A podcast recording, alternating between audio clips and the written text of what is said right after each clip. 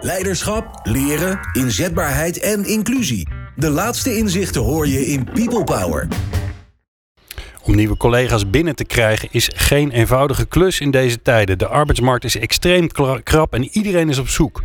Maar wat ervaart een nieuwe collega in zijn eerste maanden bij jouw organisatie? Past dat bij de verwachtingen of wacht er juist een teleurstelling?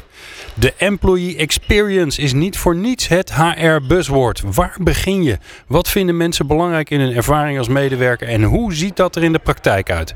Je hoort drie experts die jou op weg kunnen helpen bij het vormgeven van jouw employee experience. We hebben voor je uitgenodigd. Daar komen ze hoor.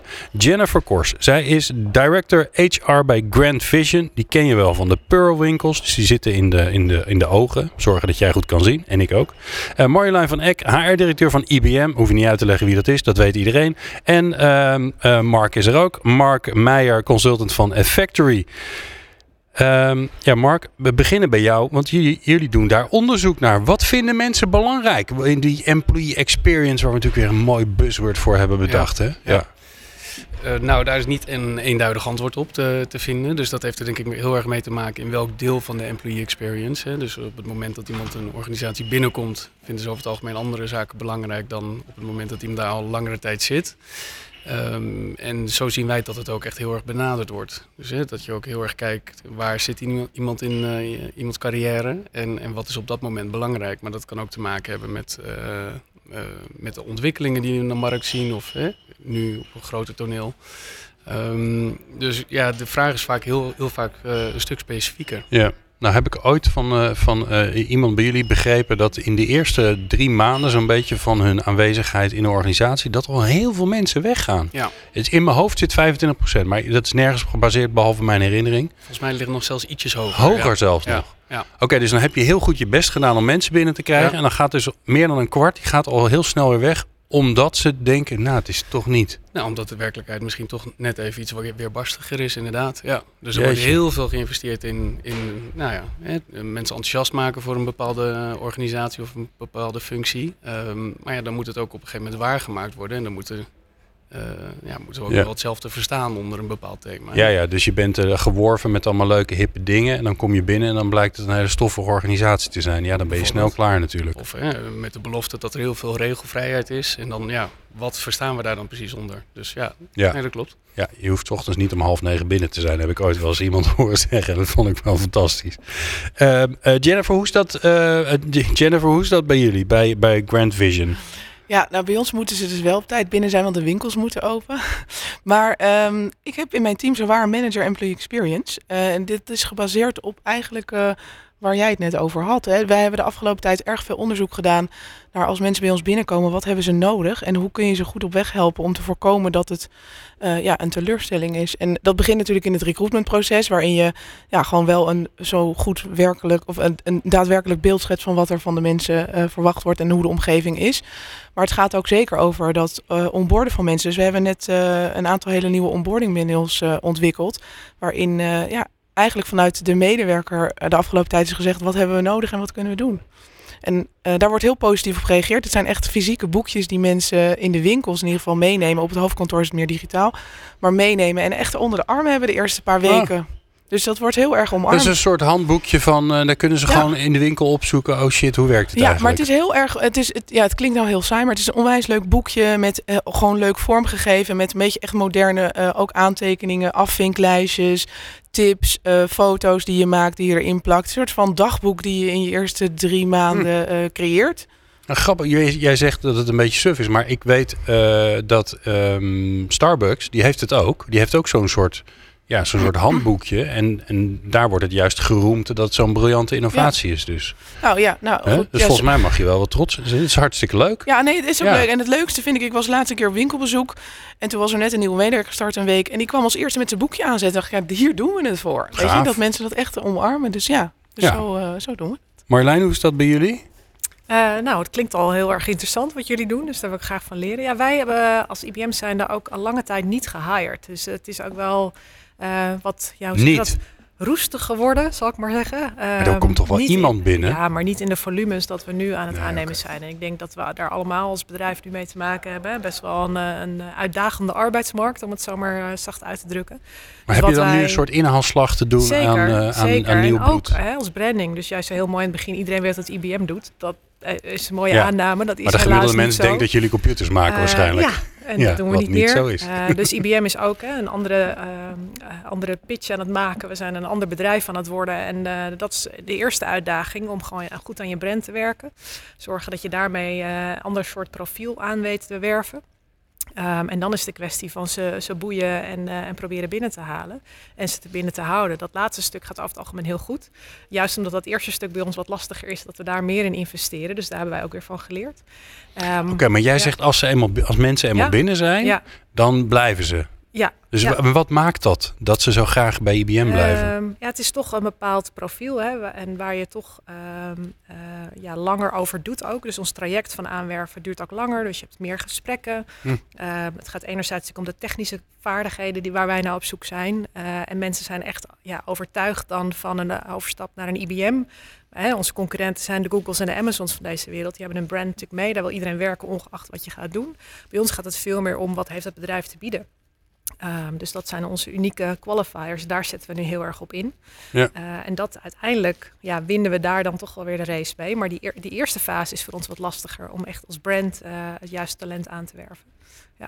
En ik kan me voorstellen dat jullie ondertussen ook wel, we bestaan natuurlijk ook al heel lang, het is een hele eh geoliede machine, dat al die, die nou ja, dingen waar die nog wel eens misgaan in organisaties, die dissatisfiers, hè?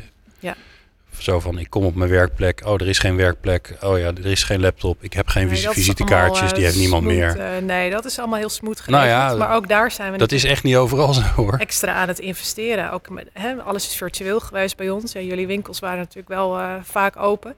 Eh, maar IBM was echt, ja, de offices were closed. Hè, dus iedereen zat thuis. En dan proberen en te werven en mensen te onboorden. Er zijn een hoop mensen die hebben het pand nog nooit van binnen gezien. Hm, Dus eh, bizar. Ja. hè? Ja. ja, nu wel weer open enigszins. we zijn nu enigszins open. En we gaan binnenkort eh, beginnen om de mensen die we de afgelopen twee jaar hebben aangenomen... om die een rondleiding te geven door het pand. Beter Laat laat dan waar niet. ze kunnen Ja. werken. Ja. Nou, het is wel grappig dat je dat zegt, maar Ja. ik kan me heel goed voorstellen dat dat moment dat je werkt ergens, dus Ja. bizar dat je nog nooit op, op- fysiek Ja. ergens bent Ja. geweest wat je dan werk kan noemen, dat je dat moment even markeert gewoon, dat je daar een ding van maakt. En collega's leert kennen, het netwerken. Eigenlijk alles wat je doet de eerste paar maanden. eh, dat hebben al deze mensen gemist. Dat is een enorme uitdaging. Ja. Ja. Ehm, wat, wat is nou een van de dingen die, ehm, waarvan jij zegt, Mark, nou ja, dat moet je in ieder geval voor elkaar hebben. Want dat, is, dat zien we nog steeds terugkomen, dat dat, ja, dat is, daar gaan mensen op af. Of daar, daar knappen ze op af. Binnen de employee experience. Ja, Eh, Nou, ik denk als we het over het eerste deel hebben, is dat denk ik wel die volledige transparantie. Ik denk dat je daar ni- niet meer omheen kan. Dat, dat, hè, dat het op een gegeven moment wel heel snel heel duidelijk wordt hoe het, hoe het echte beeld is. En dat zie je nu ook steeds meer organisaties doen. Hè. Dus dat ze ook eh, de verschillende feedbackmomenten gebruiken om dat ook in de arbeidsmarketing weer te gebruiken. Ehm, omdat er binnen elke organisatie medewerkers op heel veel punten heel erg trots zijn natuurlijk. Dus dat, dat is ook absoluut iets om te benutten richting, Hm. richting de arbeidsmarkt. Ehm, maar ik denk, ik denk dat dat, die transparantie en dat echte verhaal delen, dat dat absoluut wel iets is wat... ja. Wat normaal zorgen dat is het gewoon. buiten binnen is en andersom. Ja, Ja. Ehm, Jennifer, jullie hebben natuurlijk allemaal mensen die in winkels werken. Ja. Veel winkels. Ja. Dat zijn eigenlijk allemaal hele kleine bedrijfjes. Mhm. Ehm, lijkt me ongelooflijk ingewikkeld. Want niet elk. Ja, hoe, hoe zorg je nou dat, dat je daar grip op krijgt? Want als, het, als een team, zeg maar, van een. of een leidinggevende, een Ja. store manager van een bepaalde winkel. als die niet zo leuk is, ja, dan Ja, ben je Nee, aan de dat- beurt. nee, dat is oprecht heel lastig. Ik denk dat wij, eh, wat Marjolein net schetst, dat herken ik heel erg. Hè. Dus je hebt binnen het hoofdkantoor, ons, onze kantoren waren natuurlijk ook dicht. Eh, dus dat, daar, daar speelt een andere behoefte dan in de winkels. Dus daar heb je ook weer een ander idee of daar zijn andere behoeftes, andere gedachten over dan hoe je met de winkels omgaat. Ja, en voor die winkels, wat wij proberen is toch wel heel veel de, uh, de transparante communiceren en, en, en heel veel op te halen ook van wat speelt er in die winkels en hoe kunnen we... Hoe doe je dat? Want iedereen zit in die winkel, die zit niet achter een computer die je een mailtje kan nee, sturen. Nee, nou ja, dat, we doen dat op verschillende manieren. We, we, doen, we noemen dat pulschecks, dus we, we stoppen regelmatig even de temperatuurstok erin met wat vragen van, goh, hoe gaat het? Weet je, nu bijvoorbeeld met, nou, met dat proces waar we in zitten van hoe voel je, wat kunnen we voor je doen? Dus proberen veel meer te luisteren naar, naar wat die winkels nodig hebben. En ik zeg niet dat, ik dat, dat we dat perfect doen, hè, want ik, ik, ik vind als je kijkt in de retailwereld, het is ontzettend lastig om dat hoofdkantoor met die winkels echt goed te connecten. En ik, ik heb in heel veel retailbedrijven gezeten. Het is nog niemand gelukt om die brug, zeg maar, heel klein te maken. Dus je probeert heel veel informatie op te halen en, en begrip te tonen en te luisteren en te kijken hoe je dat samenbrengt. Um, en zo proberen we dat te doen. Maar ik kan, ik, ja, ik kan natuurlijk niet elke dag in elke winkel zijn. Dus we proberen ook dat via de managers. We doen ook bijvoorbeeld hele duidelijke leiderschapsprogramma's waarin we uitleggen hoe we ook als organisatie graag willen dat we met onze mensen omgaan. Ja. Uh, en zo proberen we dat op een positieve manier te stimuleren. Ja, Marleen, het grappige is natuurlijk dat uh, voorheen hadden jullie je meeste mensen gezellig bij elkaar in dat grote pand. Wat overigens al een stuk kleiner is geworden. Dus volgens mij werkten er al heel veel mensen thuis. Maar, ja, bij uh, klanten. Ja. ja, of bij ja, klanten. Uh, nou, die, die, is ook interessant. Jij, jullie hebben dus ook best wel veel mensen op afstand. Dus hoe, hoe zorg je, hè, dan gaat het natuurlijk ook om, ja leuk een employee experience, je hebt je laptop op tijd, maar hoor je ergens bij? Voel je dat je ergens bij hoort? Hoe zorgen jullie daarvoor? Um, nou, je hebt verschillende dimensies. Hè? Dus mensen die bij de klanten zitten als consultants, gewoon eigenlijk, die zijn meer engaged bij de klant, uh, om heel eerlijk te zeggen, dan, dan met IBM. Die ja. hebben daar meer binding mee, wat op zich ook prima is. Ik heb dat zelf ook ervaren. Mensen die in de sales zitten, die natuurlijk bij verschillende klanten komen en af en toe op kantoor, die hebben natuurlijk hun eigen team waarmee ze vaak overleggen over bepaalde proposals. Uh, je hebt de sportfuncties, waar HR onder andere bij hoort. Die hebben gewoon een hele duidelijke binding op kantoor. Maar wat wij heel erg hebben, is uh, teams op afstand. Dus je het hebt over hybride werken en op afstand werken. En hoe uh, ja, die sleutelt tot echt meer diversiteit in de samenwerking met teams die niet en nooit waarschijnlijk bij jou in hetzelfde kantoor zullen zitten.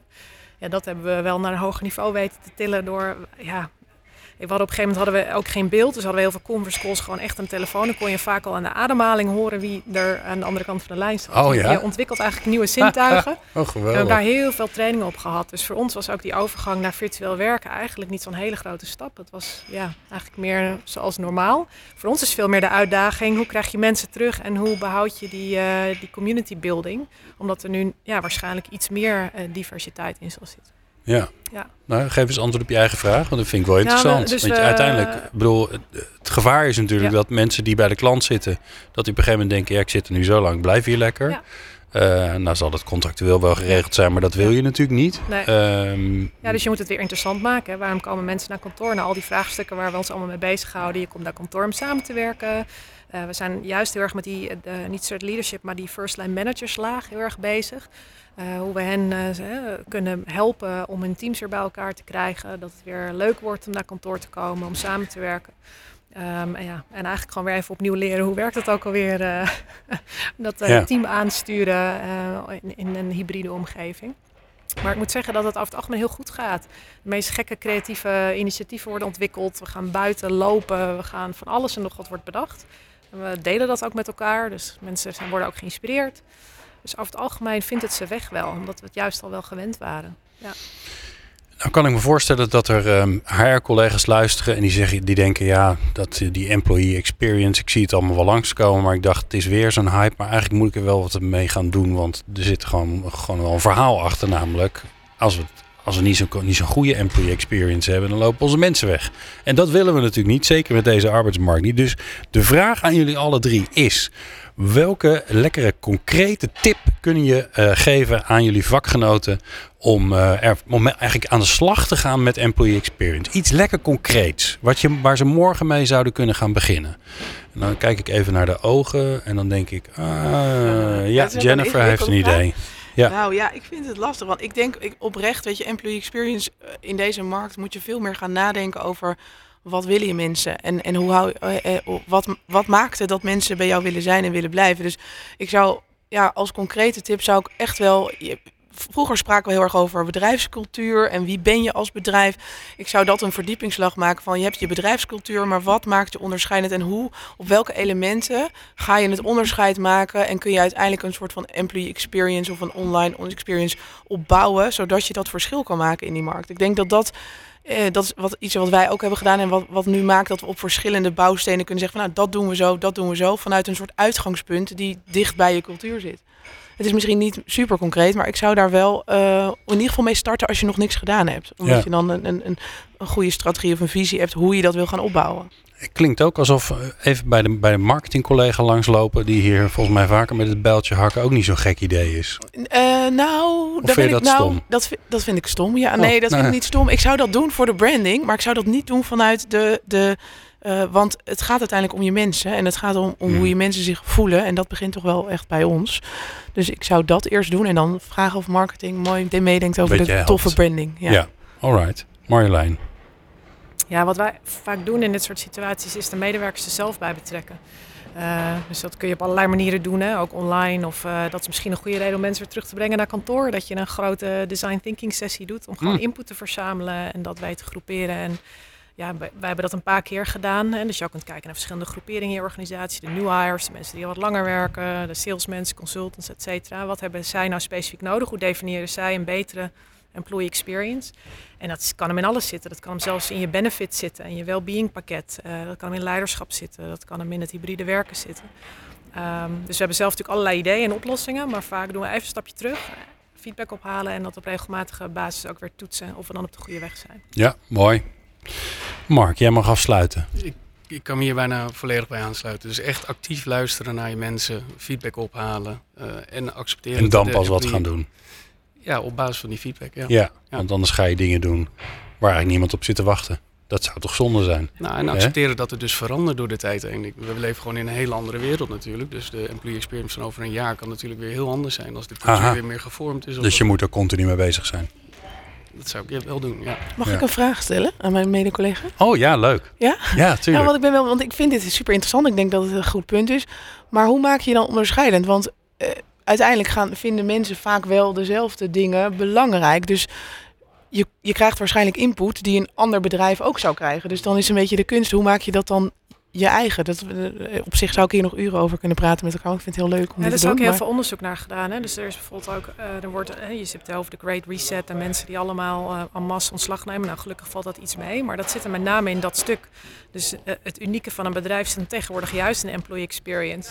Daarmee ben je onderscheidend. En vaak denken bedrijven, oh nou, ik heb een well-being programma en ik heb een leuk benefit en we zijn er wel. En dan blijkt het in ene dat de medewerkers hele andere zaken verwachten.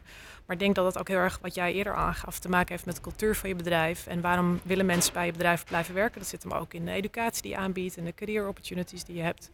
Ehm, en ja, het is een feit dat je daarmee niet meer zo onderscheidend bent uh, in deze tijd. Daarom zie je ook veel meer, ja, om een HR-term te gebruiken, attrition. Hè? Dus mensen gaan sneller uh, swappen, maar ze komen ook alweer terug.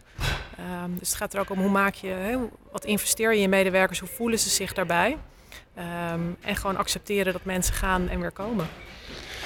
Nou, volgens mij uh, de, de conclusie, hier kunnen we nog uren over praten van Jennifer, daar, uh, daar sta ik helemaal achter. Um, en toch gaan we er een punt achter zetten. Ja. Dus ik dank jullie zeer. Uh, maar weet je, ik heb al 455 afleveringen van People Power gemaakt. Dus jullie zijn altijd welkom om nog eens een keertje gezellig langs te komen. Heel leuk, gaan we ja. doen. Ja, nou heel goed. Jij bij deze. Uh, Jennifer Kors, dankjewel van Grand Vision. Marjolein van Eck van IBM. En Mark Meijer van Factory. En jij natuurlijk dankjewel voor het luisteren naar deze aflevering. Deze speciale aflevering vanaf de HR Top 100. Je hoorde hier en daar wat geklinklang op de achtergrond. Want de bar wordt klaargezet. En dat is een reden voor ons om uh, deze podcast te beëindigen. Dus dankjewel voor het luisteren.